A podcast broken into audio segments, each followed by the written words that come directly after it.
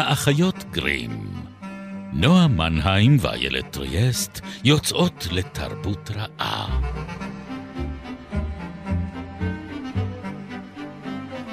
פרק 182, ובו נהלל את היופי הנשגב ונתרסק אל הכיעור המכלה.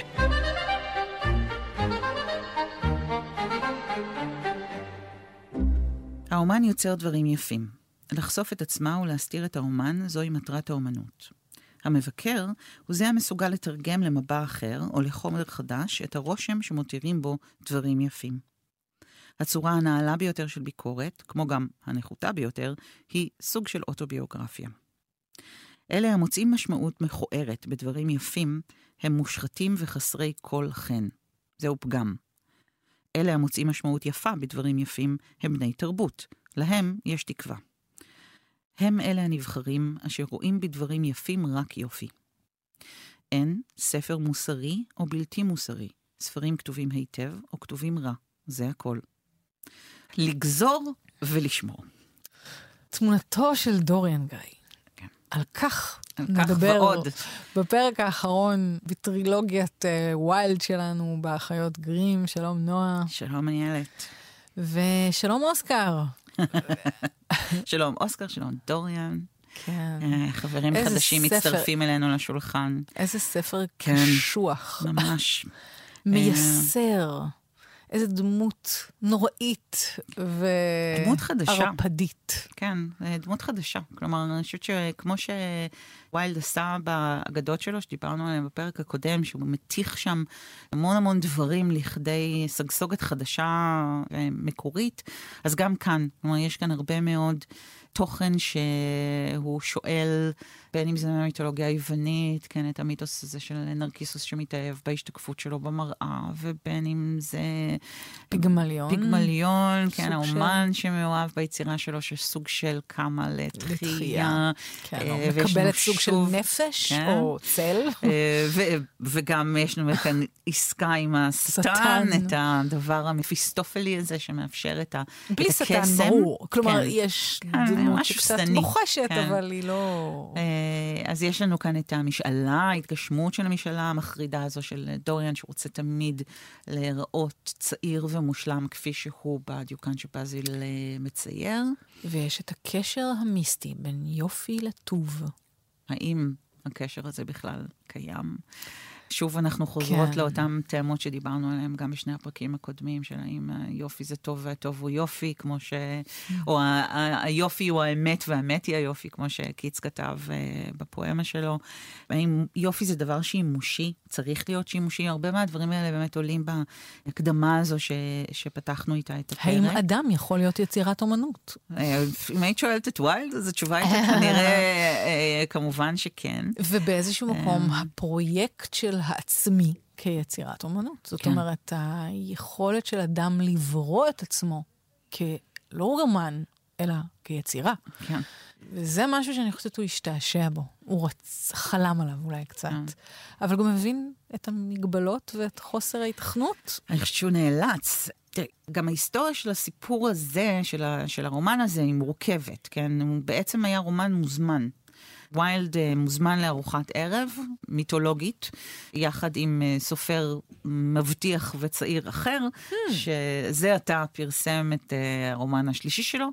גם הוא לא היה בריטי במקור, הוא היה סקוטי. אנחנו מכירות אה, את שמו היום כארתור קונן דויל, המחבר של סיפורי שרלוק הולמס, והמו"ל האמריקאי מזמין את השניים האלה לארוחת ערב, מזמין משניהם רומן, משלם להם ביד מאוד רחבה, ודויל הולך וכותב את אה, חותם הארבעה. זה בעצם להם איזה- הניסיון השני שלו עם אה, הולמס, הוא אומר, אוקיי, ניתן לזה עוד צ'אנס, נראה אם זה יעבוד.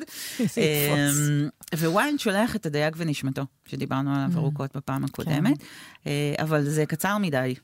ואז הוא לוקח הרבה מהרעיונות שכבר מופיעים בדייג ונשמתו, זאת אומרת, הפיצול הזה, השאלה האם אחד יכול לחיות בלי האחר, ההשחתה שהנשמה מעבירה את עצמה ואז מנסה להשית אחר כך על הדייג. הרבה מהגרעינים האלה מוצאים את הקרקע המאוד פורייה שלהם ברומן הזה, והוא מפרסם אותו. עכשיו, זה לא מתפרסם כלשונו, כשזה מתפרסם לבסוף במגזין האמריקאי הזה. בערך כ-500 מילה אה, נחתכות על ידי העורך, שטען שאף אה, אישה הגונה לא תוכל לקרוא את הטקסט הזה, אה, וזה מכיוון שזו אולי היצירה שבה ויילד אפשר לעצמו להביע באופן המלא ביותר את התשוקות שיתחילו לשלוט בחייו אז. כן. תשוקות שהוא התמודד איתן זמן רב, כן. אבל לא הגשים. נכון. והוא לא, מתחיל, אה, מתחיל להגשים אותן יותר, מתחיל לממש אותן. קונסטנס, אחרי אה, לידת בניהם, מתחילה מאוד לדחות אותו פיזית. אפילו אחרי לידת הבן הראשון כבר. כן. תיאורים ממש קשים. קשים, כן, שההבל הפה שלה מגעיל אותו, הוא צריך לצאת החוצה מהבית כדי לנשום לרווחה אחר כך. ו... מאוד לא נעים. ואז אה, רק אם זה לא היה מספיק גרוע, מגיע אל דלת אה, ביתו, הוא מתחיל לשכור חדרים במועדון שלו, ומגיע אה, אל דלתו בחור שקרא לטענתו את דוריאן גריי 14 פעם, וזה הספר האהוב עליו ביותר בעולם. מעריץ צעיר ונלהב hmm. בשם לורד אלפרד דגלס, המכונה בוזי, שאנחנו בזות לו. אך, אך, האיש היה אנטישמי. זאת הבעיה המרכזית שלך איתו. לא, אבל הנה, את רואה, את רצית לחתום את העניין, כולם היו אנטישמים. לא, הוא היה ממש נאצי, לא? זו, באמת שזו לא הבעיה המרכזית שלי איתו, הוא היה... אבל אם אפשר לנעוץ גם את המסמר הזה בארונו, את לא רוצה? למה, לא, בואי נלך על זה, גם אנטישמי. הוא היה מפונק, הוא היה יהיר, הוא היה חסר מוסר. הוא היה דוריאן גריי. הוא היה דוריאן, הוא רצה מאוד להיות דוריאן גריי. כן. מאוד. לא, הוא הזדהה עמוקות עם הספר. Mm-hmm. בואי, גם הוא בחור שחייו לא היו קלים, אם לשפוט לפי האיש שהיה אבא שלו. כן. לורד קווינסברי. בסדר, אבל ויילד היה צריך ללמוד מניסיון אביו oh, שלו ואימו שלו, וואו. שאבות אוכלים בוסר, ושיני החברים של הבנים תכהנה. אבל באמת, אני חייבת לומר, זה פשוט כל כך נורא, הטרגיות החוזרת הזו. זוהי טרגדיה. אם כן. זה לא היה כן. חוזר, זה לא היה טרגי. נכון. כן. זו פשוט באמת טרגדיה יוונית, לא ממש. לא סתם. כאילו, ממש, עם כל ה... ממש לפי אריסטו, כזה צ'קליסט, כאילו. כי מה שבוזי עושה, כן. זה כערפד, mm-hmm. הוא מבזבז הון תועפות מכספו של ויילד, שמרוויח עכשיו יפה, כאמור, כן. המחזות שלו מצליחים ומופיעים, הוא מבזבז הון זה פשוט, תועפות. אחרי שהוא נזרק מכל בית ספר, כן. בזבז את כספו של אביו, ואביו סוגר לו את השלטר. אביו כותב לו, אם אתה תמשיך להסתובב עם הסדומאי הזה, כן. ויילד, אז uh, אני אחתוך אותך מהירושה, אני, אתה מגעיל אותי, אתה זוחל כן. קטן ומתועב, וכל מה שהוא עונה זה שולח לו מברק וכותב לו, איזה איש קטן ומצחיק אתה. בוזי שנא את אבא שלו. אה, ושוב היו אה, סיבות. שלא במפתיע. אה, אבא כן. שלו גרם לאחיו הגדול להתאבד. כנראה. כן. כנראה, אחרי שהוא איים לחשוף גם את נטיותיו, את הרומן האסור של אחיו עם ראש הממשלה. הוא לא היה אז ראש הממשלה. הוא עדיין לא היה אז ראש הממשלה. עוד לא היה ראש הממשלה, ואחר כך הוא הפך להיות ראש הממשלה. כן, יש כאן שושלת מאוד בעייתית. בעייתית בזה ששוב, החברה לא אפשרה להם להיות מי שהם. במקרה הזה זה האב שלא אפשר. לאפשר להם להיות מי שהם. אה, האיום בנידוי ובהוקעה... לא רק בנידוי, אלא בהוקעה אה, פומבית, כן. בהוצאה מהארון, כן. באופן באמת, האיש, הוא פשוט היה איש אלים באופן, הוא התעסק באגרוף, נכון? הוא ניסח... הוא ניסח את חוקי האגרוף. הוא המרכיז מקווינסברי, הוא כן, ניסח את חוקי האגרוף. מה זה חוקי האגרוף? את חוקי המשחק ההוגן, מה שנקרא. לא היה בן אדם ששיחק משחק פחות הוגן מהמרכיז מקווינסברי. הוא נכון. שלח מכתבים לכל המלונות והמסעדות בלונדון, ואיים עליהם שאם הם יכניסו... הכניסו את uh, בוזי ואת uh, ויילד, אז הוא uh, יבוא לשם לעשות בלאגנים. הוא לקח אחד מהמתאגרפים שלו והגיע לוויילד הביתה כדי לאיים עליו פיזית לנתק את הקשר שלו עם הבן שלו. כשזה לא עבד, הוא הגיע לערב בכורה של חשיבותה של רצינות, וערב לוויילד בחוץ עם זר של ירקות רקובים כדי לזרוק עליו. כן, והוא כבר ניסה לחמוק ממנו, יצא. וויילד, כן. שקיבל על זה טיפ, כן. הקיף את התיאטרון בשוטרים כדי לא לאפשר לו להיכנס פנימה. לא, הוא רדף את וויילד ברמה כזאת שזה כבר היה, באמת אי אפשר היה להתחמק מזה, זה היה נכון. בושה, זה היה... כן, אנשים גם התחילו כבר לדבר. כן. כן, הם, הוא... הם כבר דיברו קודם, אבל ההבדל, הפער הזה בין הלדבר על לבין שמשהו יהיה בתוך הצינורות המשפטיים של מערכת המשפט. אבל זאת הייתה כבר אשמתו של ויילד. של ויילד, נכון, אבל... כי קווינסברי משאיר לו... לו... הוא ידע מה לעשות, הוא ידע איך לדחוק אותו לפינה. נכון, הוא ידע בעיקר אבל גם איך אה, לדחוק את הבן שלו לפינה. כלומר, כן. קווינסברי משאיר לוויילד פתק במועדון שלו, וכתוב שם אה, לאוסקר ויילד סדומני, זה אפילו כן, שגיאת כתיב, הוא... סדומני מתחזה. וויילד אומר, מה אני אעשה? הוא הורס לי את החיים, בוזי אומר לו, תתבע. תתבע, תראה לו מה זה, אני אעזור לך כלכלית, כן. מאיפה החוצפה.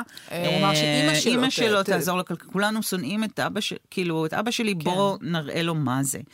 וויילד עושה את זה, הוא תובע את uh, קווינסברי למשפט. למרות ו... שהעורכי הדין והחברים, וכאילו, רק אימא שלו אומרת לו. לא, זה אה, בסיבוב השני. בסיבוב השני. זה בסיבוב השני. אומרת לו לא לברוח. הראשון, בסיבוב כן. הראשון בעצם גם עורכי הדין וגם החברים אומרים לו, אל תעשה את זה.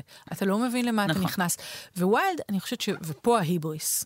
יותר מכל דבר אחר, לא רק בבוזי שמשכנע אותו ועוטף אותו בתרעלה הרגילה שלו, אלא בזה שהוא באמת חושב שאהבת ההמון היא אהבה אמיתית, ושאפשר לסמוך עליה, ושאפשר להאמין בה, ושהיא לא תתהפך עליו, ושהם יסבלו הכל כי הם אוהבים אותו באמת.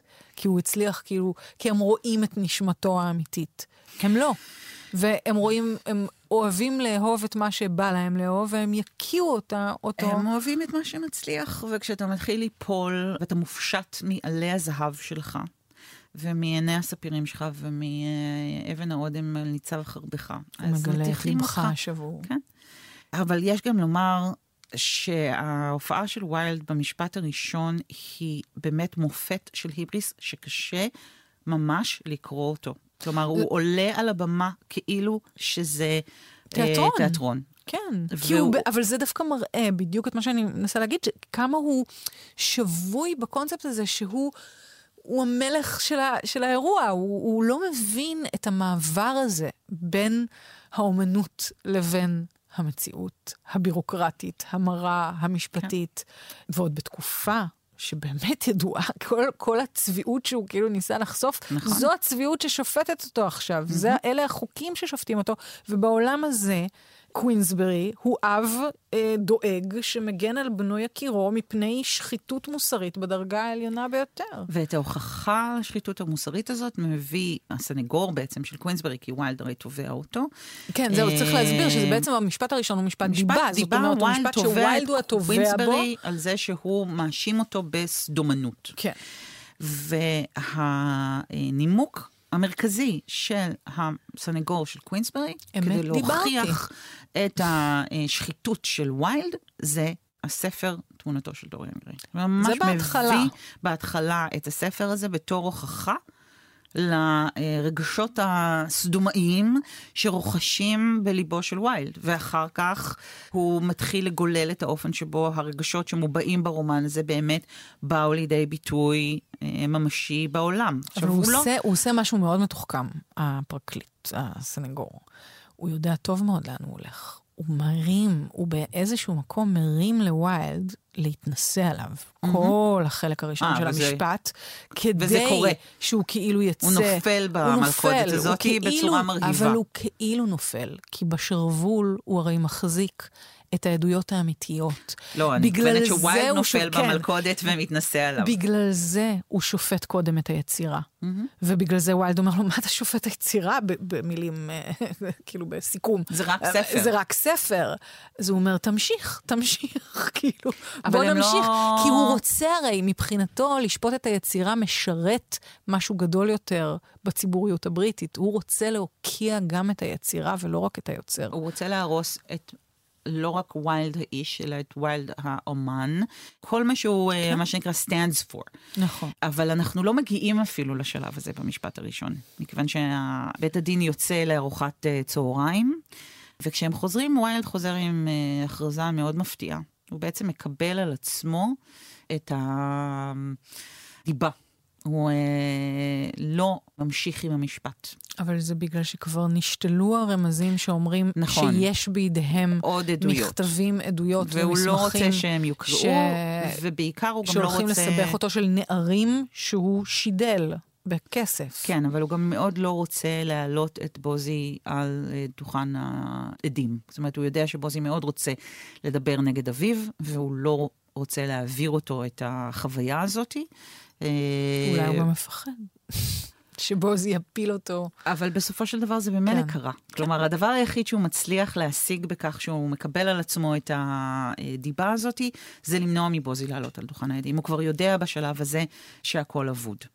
ואכן, כשהוא עוזב את בית המשפט, חבריו מנסים לעודד אותו אה, לברוח, לעלות לספינה, לנסוע לצרפת, ששם ראו מעשה סדום באופן הרבה פחות אה, חמור מאשר בבריטניה באותם ימים. הוא מסרב. אימא שלו גם זה מה שאמרנו לפני כן, אמא שלו אומרת לו, אל תיסע. כן, תתמודד. תתמודד, תהיה גבר. כן.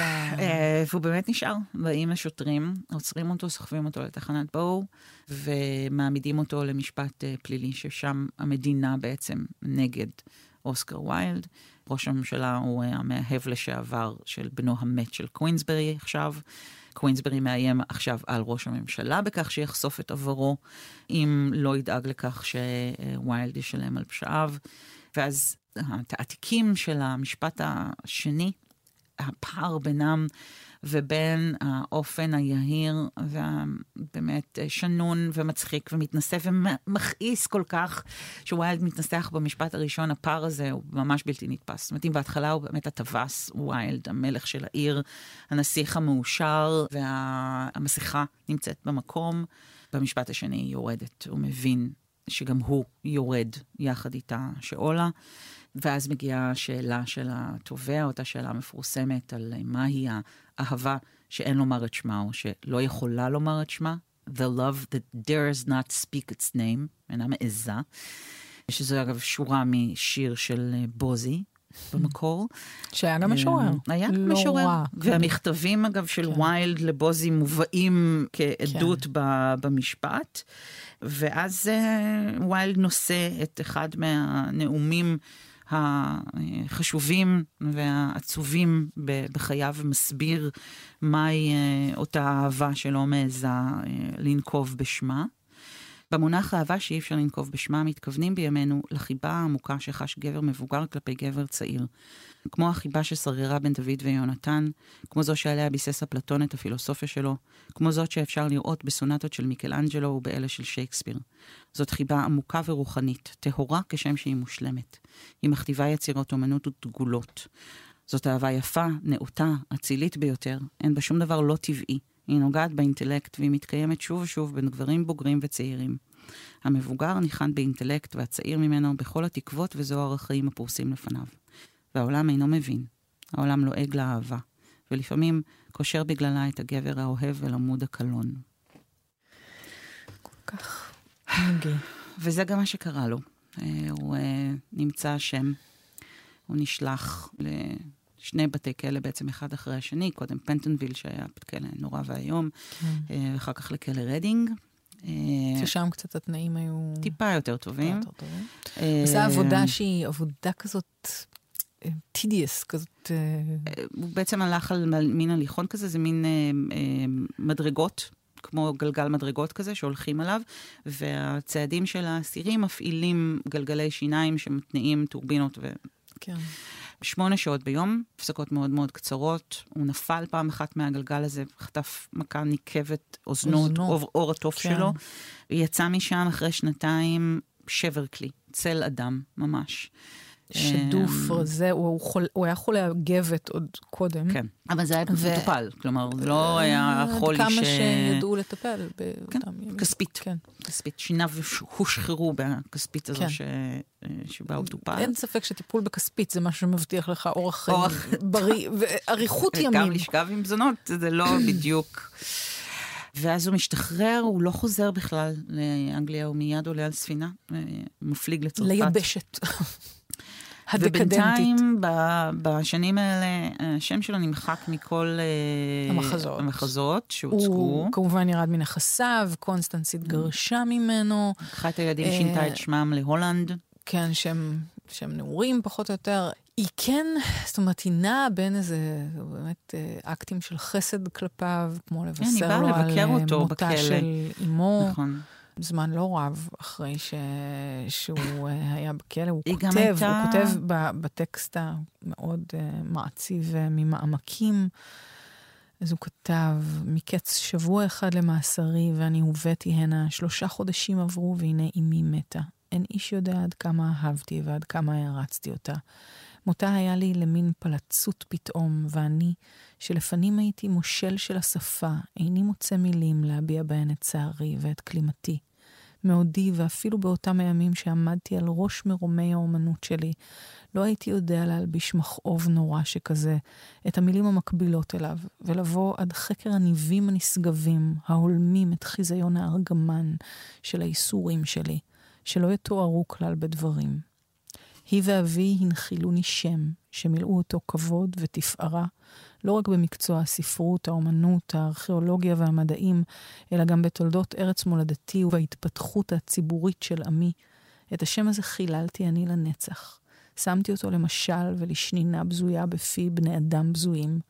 השכנתי אותו לארץ עד לטיט חוצות, הסגרתי אותו ביד בני אדם זדים, אשר נהגו בו בזדון, וביד אויביי הסגרתי אותו, אשר בפיהם נעשה לשם נרדף עם שיגעון. את אשר סבלתי באותם הימים, ואת אשר אני סובל עד היום הזה, אותה לא יכתוב שום אדם בעט, ולא יספר נייר לקורא. גם לא יכול היה. בתקופה הראשונה למאסר שלו, לא היה לו נייר, נייר ולא ולא לו- נתנו לו עט. כן, כן. וגם אחר כך, כשנתנו לו נייר ועט, ועליהם הוא כתב באמת את הטקסט הזה, אה, שנקרא De Profundis, כן, ממעמקים, הוא היה צריך לכתוב, ובסוף כל יום להפקיד את הניירות שלו אצל השומר, אצל הסוהר, ורק בשחרורו הוא קיבל בחזרה כן. את הניירות האלה, בעצם מין מכתב לבוזי, שבו הוא עושה סיכום של הרומן שלהם, של החיים שלהם ביחד, מאוד... אה, אה, חשוף ומאוד, אפילו קטנוני ו- ומתחשבן, אבל אה, נוקב, יפה. ועם עצמו, עם התאומות שהוא עצמו הגיע אליהם אה, מול עצמו, מול האמונה שלו, מול ההורים שלו. אז החיים שלו שאחרי הכלא לא חזרו למה שהם היו קודם. קונסטנס אמרה לו שאם הוא רוצה לראות את ילדיו הוא יכול, אבל הוא חייב להבטיח שהוא לא יראה שוב זה את מה בוזי. שכל כך עצוב. והוא לא הצליח. כאילו יש שם איזה פתח, נכון. ואפילו הבן שלו והנכד מדברים על זה, שכאילו כן. הייתה שם הזדמנות להתאחד שוב, לראות שוב. את הילדים. הוא היה היה- מכור כן. לסיפ... לאהבה הזאת, לגבר הזה שהתעלל בו. זאת אומרת, גם, כן, כן, אבל, כבר אה, בשביל לשכוח, בשביל להתמודד, בשביל... וזאת הייתה מערכת יחסים מאוד מה שאנחנו היינו היום מגדירים כמתעללת, והוא לא הצליח להתנתק ממנה. וזה דווקא אמ, מין היפוך כזה, כי כאילו הוא היה המבוגר, הוא היה הגבר ה... אבל זה כאילו... לא אומר כלום. כן, אני חושבת שדווקא במובנים האלה של סיפורים... כן. כי תראי, אפשר היה לראות את זה. חשב, באמת, אני כל הזמן, כאילו יש משהו בסיפור של ויילד שכל הזמן קורה למין היסטוריה חליפית כזאת, של לכל מיני תסריטים. מה היה קורה אם הוא היה עכשיו? מה קורה אם הוא היה בשנות ה-80? מה היה קורה, כאילו, זה יודעת, כאילו מגפת האיידס אה, לעומת מיטו, כולל מיטו בקהילה. הוא שידל נערים קטינים.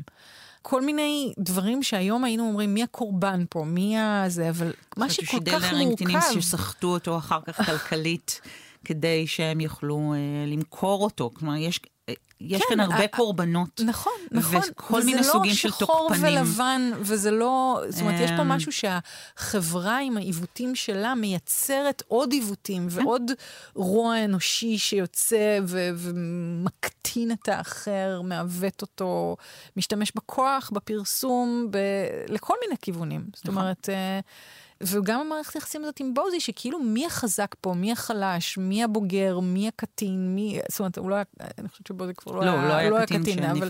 אבל הוא כן היה צעיר באופן מובהק, והוא הוא שיחק בו ברגע, מהרגע הראשון, וכאילו יצר בו גם את הכמיהה הזאת שהוא כל הזמן לגלג עליו, שאני אהיה איתך, גבר שמן. מבוגר ושמן ו- נכון, כאילו, הוא כן. ממש העליב אותו כל הזמן, ויצר בו את והוא הצורך. באמת היה דוריאן. כלומר, זה מדהים עד כמה במובנים רבים הרומן חזה או הקדים את הפיצול הזה, כן? היצור היפה, אכזרית. האכזרי, אה, הלא מוסרי, שאפילו כשהוא מנסה לעשות טוב, הוא, הוא רואה בדיוקן איזה תו של צביעות, והוא כן. מבין שזה לא באמת היה כי הוא לא מסוגל. הדבר, ואז הורס את עצמו. זאת אומרת, כן. אין לו שום תקומה, אין לו שום גאולה לדופלגנגר המפלצתי הזה.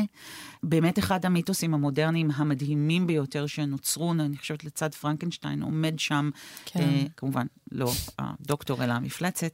כן, אה, לא, וזה גם עומד מתכתב. שם אה, באותה... אה, ספציפית, ספציפית הסיפור הזה גם כל כך מתכתב עם פו, שדיברנו עליו כן. בפרקים הקודמים. נכון.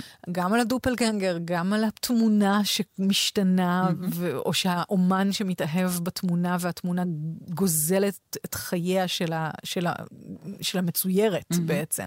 אז ממש יש לנו את, ה- את המקבילה הזאת.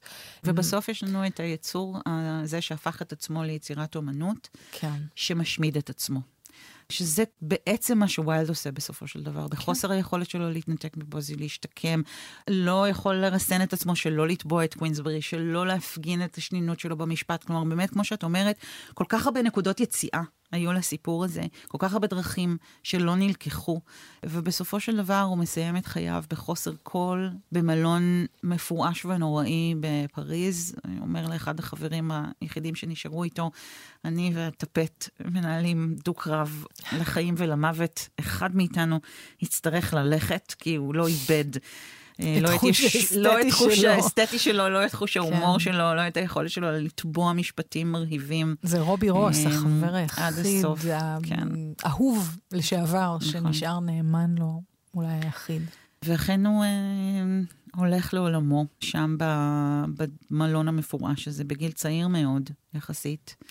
והופך להיות אה, הקדוש הפטרון אה, של ההומוסקסואלים. אבל גם למי שהמצב שלהם בבריטניה מידרדר באופן מדהים בעקבות בגלל המשפט, המשפט שלו. הזה. כן. זאת אומרת, עד אז זה היה ידוע. Don't ask, אבל don't בדיוק, כן. לא שאלו שאלות. הפחד בקהילה אחרי המשפט שלו והמאסר שלו היה אדיר. אנשים נכנסו עוד יותר עמוק אה, לתוך הארון, לקח להם הרבה מאוד זמן לצאת ממנו. וגם לא, זאת אומרת, אני חושבת שהיום הרבה מה, אה, מהמחקר על ויילד מסתייג מהליהוק שלו לתפקיד אה, הקדוש הפטרון של הומוסקסואלים ככאלה. כלומר, הרבה יותר סביר היום להניח שהוא היה בי. היו לו פרשיות אהבים עם נשים, הוא אהב נשים גם רוחנית וגם פיזית, וגם גברים. אני לא יודעת אם הוא היה מגדיר את עצמו באותו אופן שבו אה, הומוסקסואלים מגדירים את עצמם היום. זה היה מבחינתו דבר, זה גם עולה בדפופונדיס, כאילו מאוד פרטי. הוא לא ראה את עצמו כסמל של איזושהי קהילה, כחלוץ של איזשהו ציבור. לא, אלא... אבל באמת נדמה, כאילו גם לקרוא את דוריאן גריי, אם אנחנו כל הזמן משווים mm-hmm. את היצירה לחיים עצמם, ש... יש פה באמת איזו אהבה של אידיאל יופי, כן. של אידיאל הדמות שהוא שואף להיות, להיות. שהוא מאוהב נכון. בה, זה באמת הנרקיסוס הזה. נכון, זה הדייג ו- ונשמתו. כן. כן, זה כל הזמן להיות מאוהב באיזה דמות, שכשזה גבר מול גבר, זה כאילו בדיוק האידיאל הזה שהוא של מתאר, ההשתקפות. של ההשתקפות כן. הצעירה של עצמך, ההנצחה של עצמך. אז כאילו יש שם איזה משהו מעבר רק לנטייה או המשיכה המינית. כן. אה, אבל בזאת אנחנו נהיה חייבות לסיים. איזה פרקים ארוכים ועדיין לא סיימנו. אני לא, לא רוצה כאילו, להיפרד. כן, קשה, קשה להיפרד מווילד. הוא באמת דמות כל כך טרגית, כובשת ו... מחשבת. כן, ומקרינג'ה תוך כדי. וואו, אוקיי, זאת הטעיה שלא שמעתי מימיי. בשביל זה אנחנו כאן.